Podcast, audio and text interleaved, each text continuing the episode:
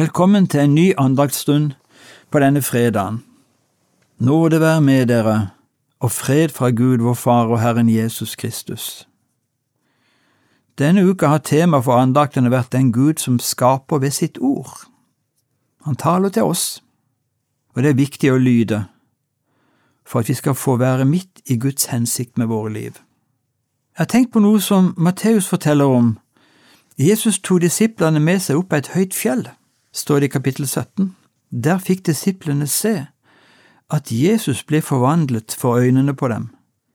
De så at ansiktet hans skinte som solen, og klærne ble hvite som lyset.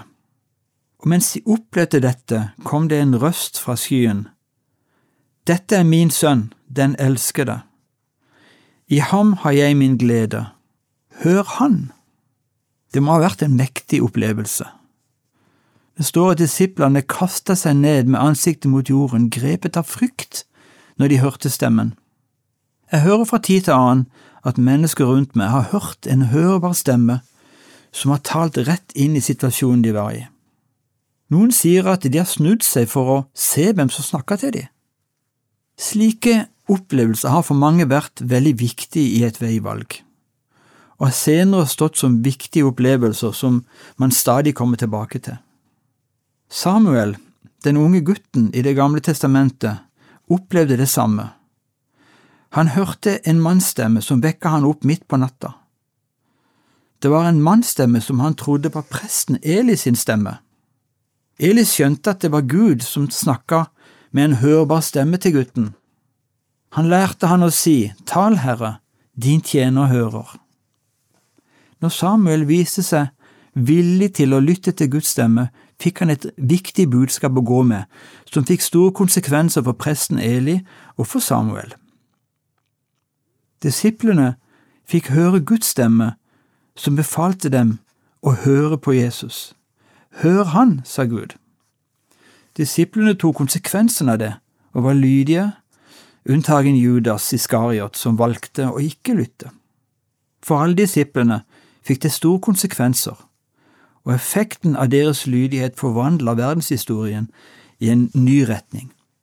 Jeg tror den samme stemmen kommer til oss i dag. Vi kan høre Guds stemme gjennom Bibelen. Det vanligste er at vi hører Guds stemme gjennom å lese Bibelen. Der leser vi og hører. Jesus sier også at hvis vi vil bli vise, så må vi høre og gjøre det han sier. Da blir vi som en som bygger huset sitt på fjell. Det står fast når storm og uvær kommer. For meg har Johannes 1,12 vært et kjerneord som jeg ofte vender tilbake til.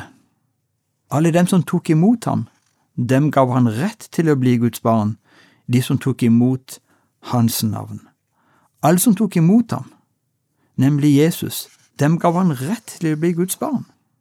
Som ung tolvåring kjente jeg på denne stemmen i mitt hjerte. Vil du følge med, Paul? Hvorpå jeg svarte ja, Jesus, jeg vil følge deg. Jeg vil tro på deg. Jeg vil forsøke å høre hva du sier.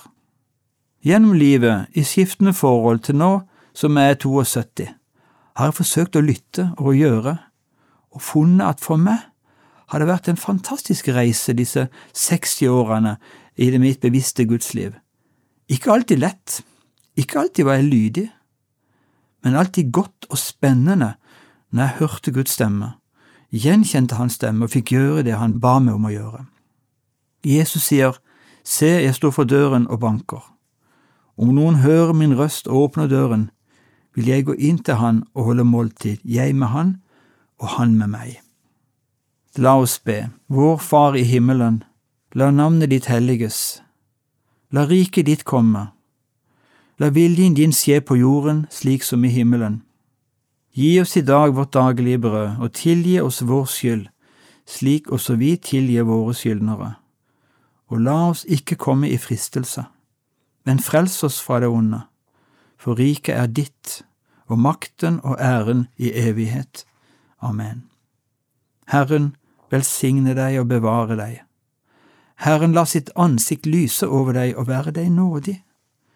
Herren løfte sitt åsyn på deg og gi deg fred. Du har lytta til Paul Roland i Over åpen bibel i dag. Serien produseres av Norea Mediemisjon, og denne serien er et gjenhør fra 2019. Har du kommentarer eller spørsmål, så ta gjerne kontakt med oss. Du kan bruke e-postadressen postalfakrøllnorea.no, eller du kan sende oss en melding via Facebook.